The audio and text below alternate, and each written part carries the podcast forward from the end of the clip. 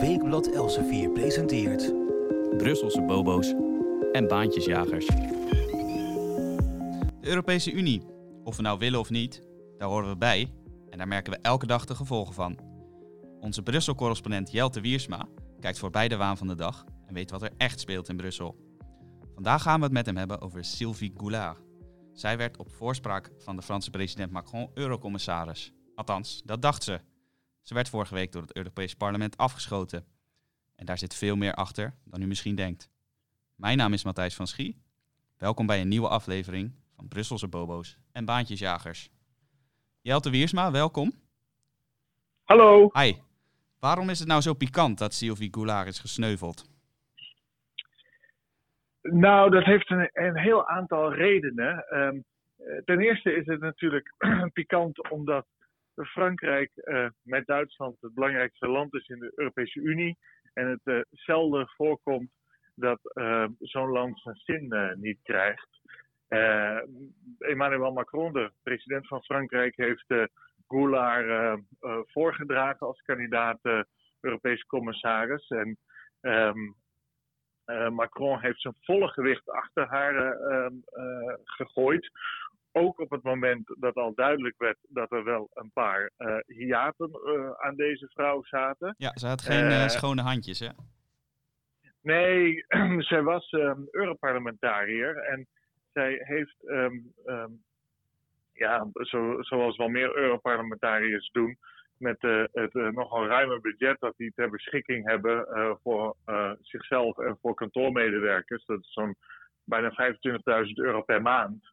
Uh, heeft ze een aantal mensen op de loonlijst gezet die eigenlijk helemaal niet voor haar werkten in haar hoedanigheid als Europa Europarlementariër. Dat geld ze kon ze dus in haar eigen zak steken.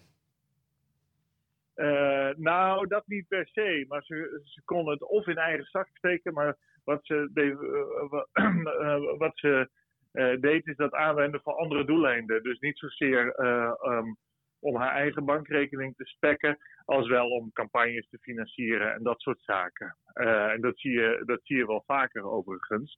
Goulard was in 2007 minister van Defensie. Aangesteld door Macron, die net was aangetreden uh, nadat hij in mei uh, 2017 de presidentsverkiezingen won. En zij is toen afgetreden als minister van Defensie. Wat natuurlijk een, niet, per, of niet per se een schuldbekentenis is, maar uh, toch wel um, um, al aangeeft dat het lastig was. Uiteindelijk heeft ze 45.000 euro dus terugbetaald aan het Europees Parlement. Die, uh, het Europees Parlement zei dat had inderdaad niet gemogen wat u gedaan heeft.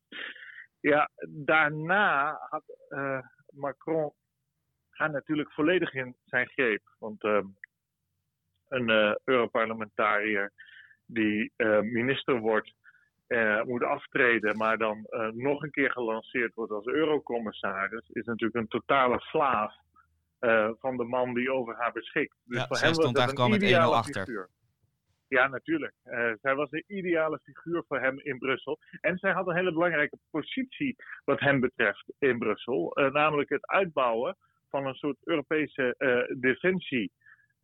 en daar is Frankrijk al heel lang erg enthousiast over.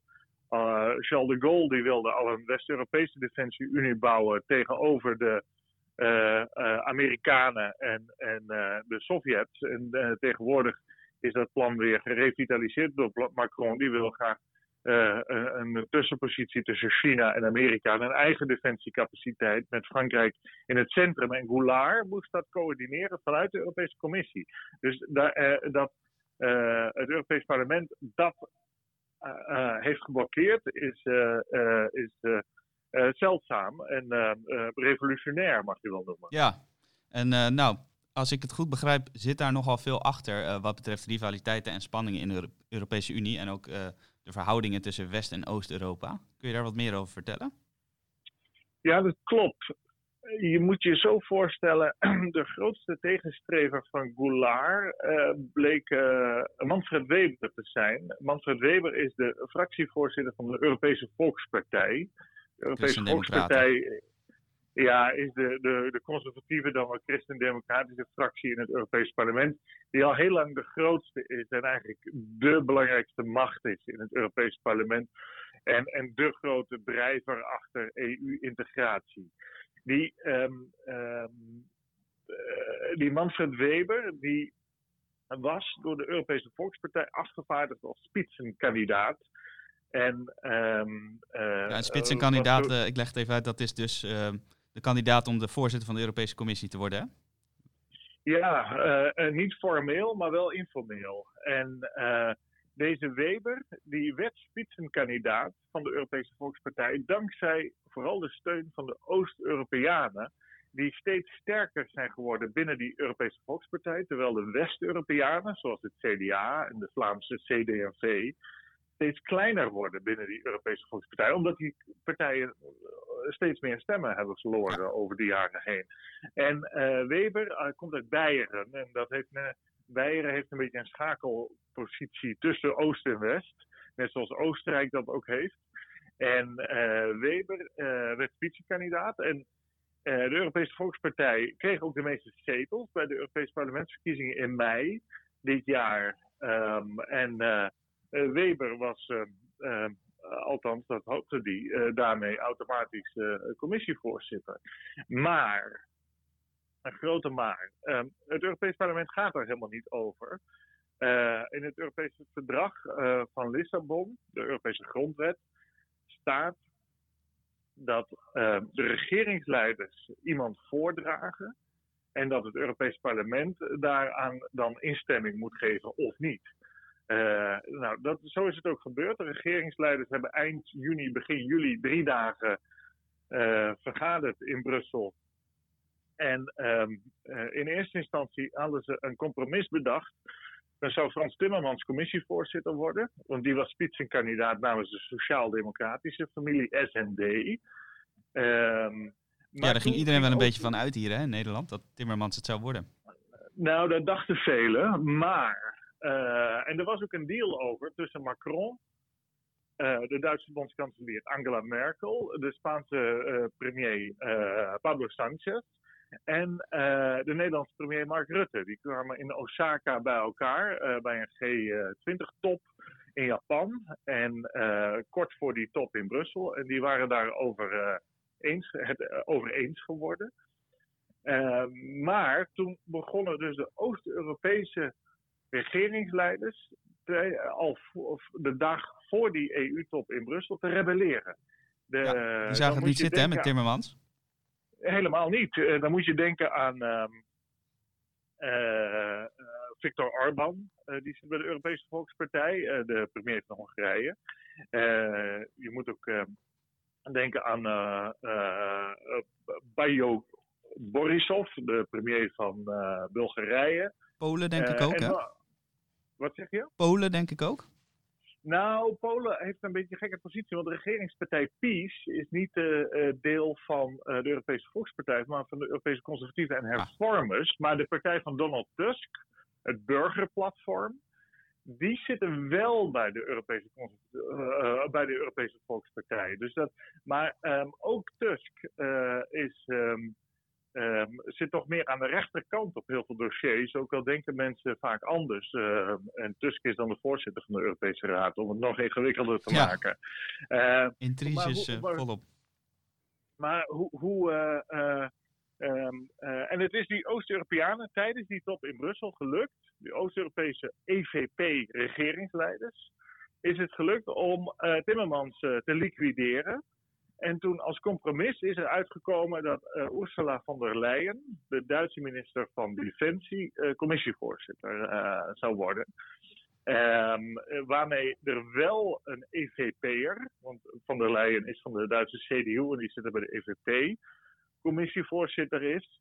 Maar niet iemand um, dus, die, die um, uit het. of, maar dus niet Weber. Ja. En Weber was, was toch de man van Oost-Europa. Nou, dit compromis was, was uh, voor Oost-Europa nog wel acceptabel. Uh, er staat nog een dingetje bij. Weber werd beloofd dat hij 2,5 jaar voorzitter van het Europees Parlement mag worden. Maar pas in tweede termijn. Dus de eerste termijn uh, heeft hij niet. en de tweede termijn wel.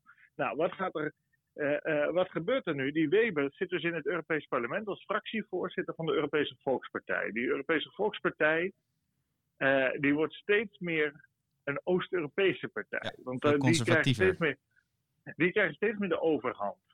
Eh, en die hebben dus eh, die Goulart ehm, eh, eh, geliquideerd. Want die hebben gezegd, ja, die willen we niet. Dat is ook wraak op Macron. Exact. Eh, en, en waarom is dat wraak?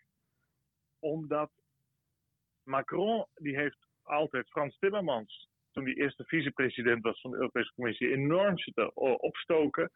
Eh, dat Oost-Europa allemaal foute dingen doet rond democratie, rechtsstatelijkheid en dat Oost-Europa geen subsidies meer moet krijgen. Macron zegt zelf van, nou misschien moeten we maar met de eurozone, waar de meeste Oost-Europese landen niet bij zitten, een soort kernunie beginnen. En al die Oost-Europeanen die krijgen geen subsidie meer. En dat moet allemaal afgelopen zijn met die flauwekul daar. Op het moment dat Oost-Europa niet doet wat ik wil, Emmanuel Macron, dan eh, zetten we ze er buiten. Dus dat heeft natuurlijk enorm veel kwaad bloed gezet. En eh, Weber eh, leidt dus een fractie, de Europese Volkspartij, die steeds Oost-Europeeser is.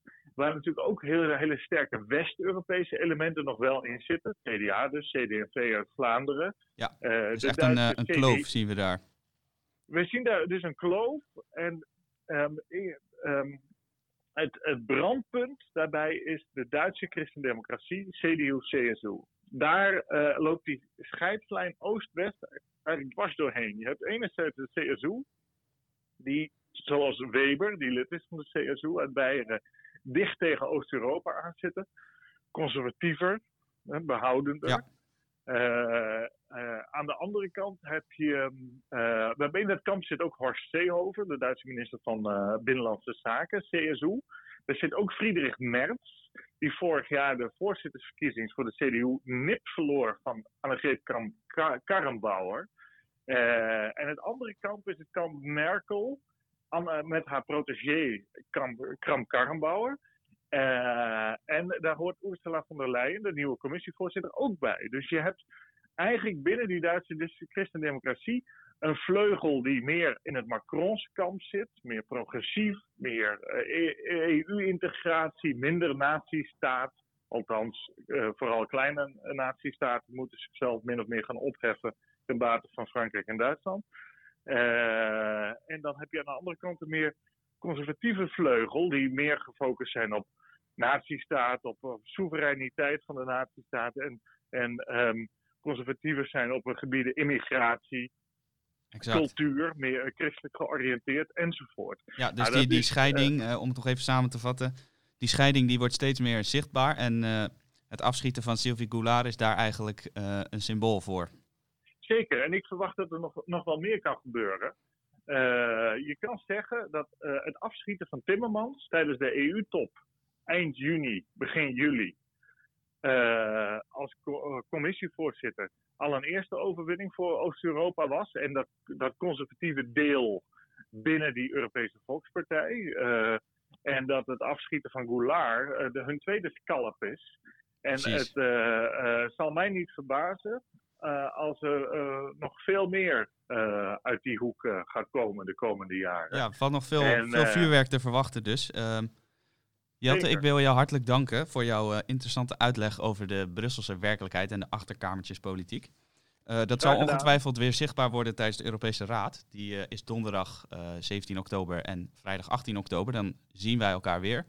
En eh, uiteraard kunt u daar ook weer een podcast over verwachten. Jelte, hartelijk dank. Graag gedaan. Tot de volgende keer. Tot donderdag. Tot de volgende keer. Gluren bij de buren. Ja, we hebben het net al uitgebreid eh, over Oost-Europa gehad, een eh, potentiële splijtswam in de Europese Unie. En eh, een van de landen die daar liggen en die de afgelopen dagen uitgebreid in het nieuws was, is Polen. Want in Polen zijn afgelopen weekend verkiezingen geweest. En dat heeft een nogal uitgesproken uitslag opgeleverd. Namelijk eh, de conservatieve regeringspartij Recht en Rechtvaardigheid, afgekort tot PiS, eh, is met afstand de grootste geworden, wat ze al waren. En in Brussel zal daar waarschijnlijk niet iedereen even blij mee zijn. We gaan even gluren bij de buren met Michiel van Blommestein, correspondent in Warschau. Michiel, welkom. Verbaast eh, of hallo. verrast de verkiezingsuitslag in Polen jou? Nee, helemaal niet. Eh, de, eh, de, alle peilingen wezen deze richting al uit. Dus op zich was iedereen hier al voorbereid. Ja, hoe wordt er gereageerd door de Poolse bevolking die jij spreekt? Ja, nou ja, om, om te beginnen even vooropgesteld. Het is inderdaad een enorme overwinning geweest. Um, nog nooit heeft een partij zoveel stemmen behaald in de verkiezingen sinds 1989. Ja. Uh, nog nooit heeft een partij twee keer op rij de absolute meerderheid in, de, in, de, in het parlement gehaald. Dus uh, op, op alle eigenlijk vlakken is het een monsteroverwinning. Maar ik hoor een maar. tegelijkertijd is. Ja, precies. Er is een maar. De, de, de, de regeringspartij, de euforie blijft uit bij de regeringspartij. Ze zijn wel tevreden, maar je hoort wel wat gemor daar. Um, en dat heeft er vooral mee te maken met. Ja, uh, dat heeft ermee te maken met, ondanks het feit dat ze dus uh, uh, meer stemmen hebben behaald dan vier jaar geleden, is hun positie verzwakt. Hun absolute meerderheid is hetzelfde gebleven door het rare Poolse kiesstelsel. Um, en ze hebben de Senaat verloren, want de oppositiepartijen waren deze keer strategisch iets slimmer. Die hebben, die hebben samengewerkt bij de Senaatsverkiezingen. Dat is geen kandidaten tegenover elkaar uitspelen. De senaatsverkiezingen gaan volgens een districtenstelsel. Um, en daar hebben, ze nipte, daar hebben ze een nipte overwinning geboekt. Het is 51 tegen 49 zetels daar nu.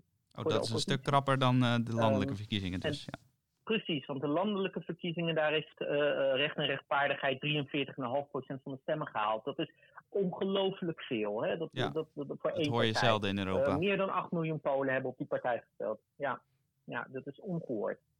Ja, en waarom denk je dat zoveel Polen op, uh, op PiS nou, hebben gestemd? Nou, dat, dat heeft meerdere redenen. Um, om te beginnen heeft PiS heel erg consequent sociaal beleid gevoerd.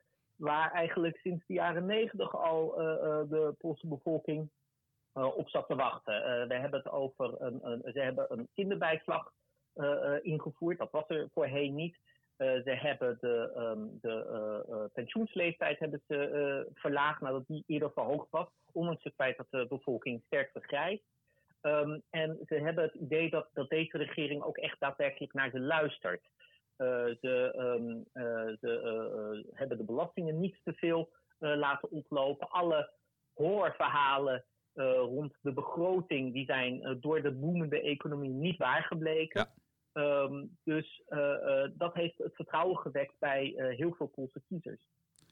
Ja, dat is logisch natuurlijk. Een regering die je in de watten legt, daar, daar stem je op. Althans, dat, dat geldt dan dus blijkbaar voor de Polen. Maar in de Nederlandse media ging het ook heel veel over een ander aspect van de campagne van deze partij.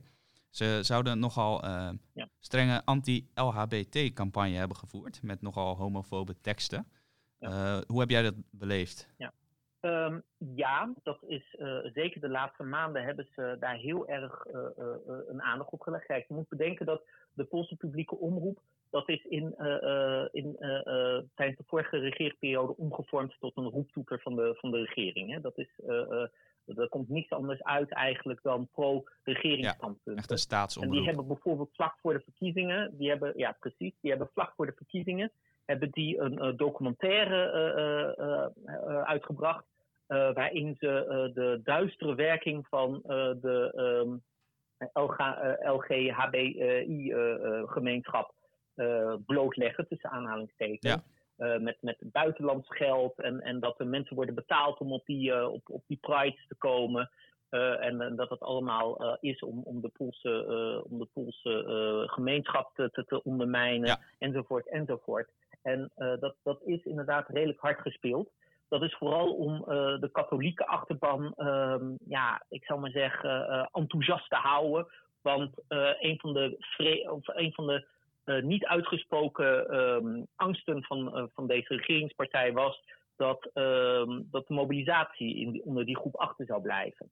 Ja. En nou ja, goed, dat, dat, op die manier hebben ze die dus opgezweept om toch te komen stemmen. Nou, dat, dat is, dat is gelukt. gelukt. Eh, kunnen we wel stellen. Want, eh, want, want met zo'n uitslag eh, ja, kun je niet anders concluderen dat dat enorm is geweest. Helder. Uh, dan gaan we tot slot nog eventjes uh, kijken naar de situatie voor de Europese Unie. Want uh, Polen is natuurlijk een belangrijk land in de ja. Europese Unie. En ze lagen vorig jaar bijvoorbeeld ja. al behoorlijk op ramkoers met Frans Timmermans, die toen vicevoorzitter was, nu nog steeds overigens. wat denk ja. jij, hoe wordt deze uitslag in Brussel ontvangen?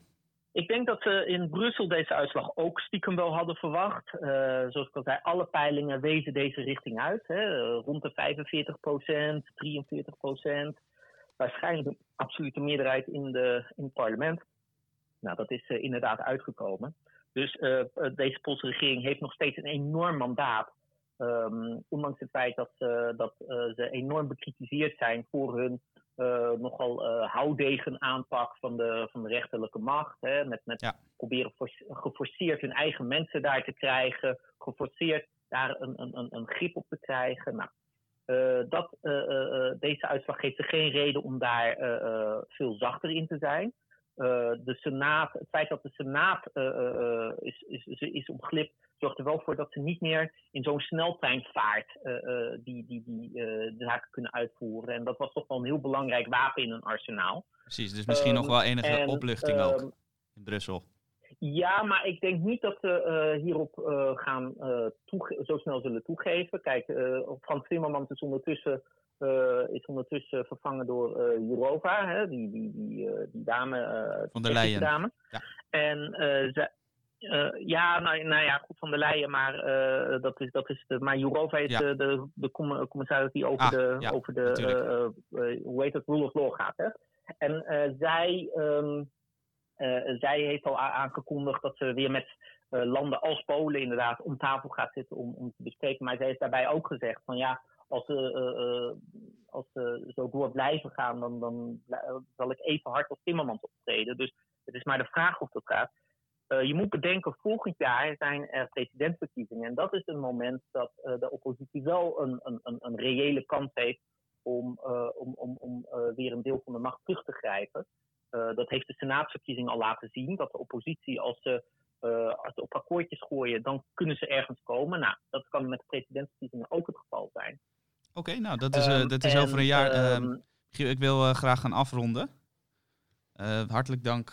Ja, ja, nog één oh, laatste ding. Sorry, uh, een ding ja. dat nog een extra conflict. Ja, sorry. Nog een ding dat een extra conflict kan opleveren tussen de, de Europese Commissie en de Poolse regering. Is dat de Poolse regering nu heel erg aan het kijken is of ze de privé, private media aan banden kunnen leggen. Door het over te nemen of door ze markttoegang te, te, te ontzeggen. dat zou nog een extra bron van conflict kunnen opleveren. Helder, we, we gaan het met veel aandacht volgen de komende maanden. Michiel, hartelijk dank voor jouw duidelijke uitleg vanuit Warschau. Uh, we komen graag nog een keer bij je terug bij volgend nieuws uit Polen. Dankjewel en tot de volgende keer. Tot spreeks. Nou, daarmee zijn we aan het einde gekomen van de podcast Brusselse Bobo's en Baantjesjagers. Ik wil u hartelijk danken voor het luisteren. Mijn naam is Matthijs van Schie en we zijn volgende week terug met een nieuwe aflevering. En wilt u nou niets missen van onze podcast en onze andere podcastseries? Abonneer u dan op ons kanaal Elsevier Weekblad op bijvoorbeeld Spotify of iTunes. Of ga naar elsevierweekblad.nl slash podcast. Tot de volgende keer.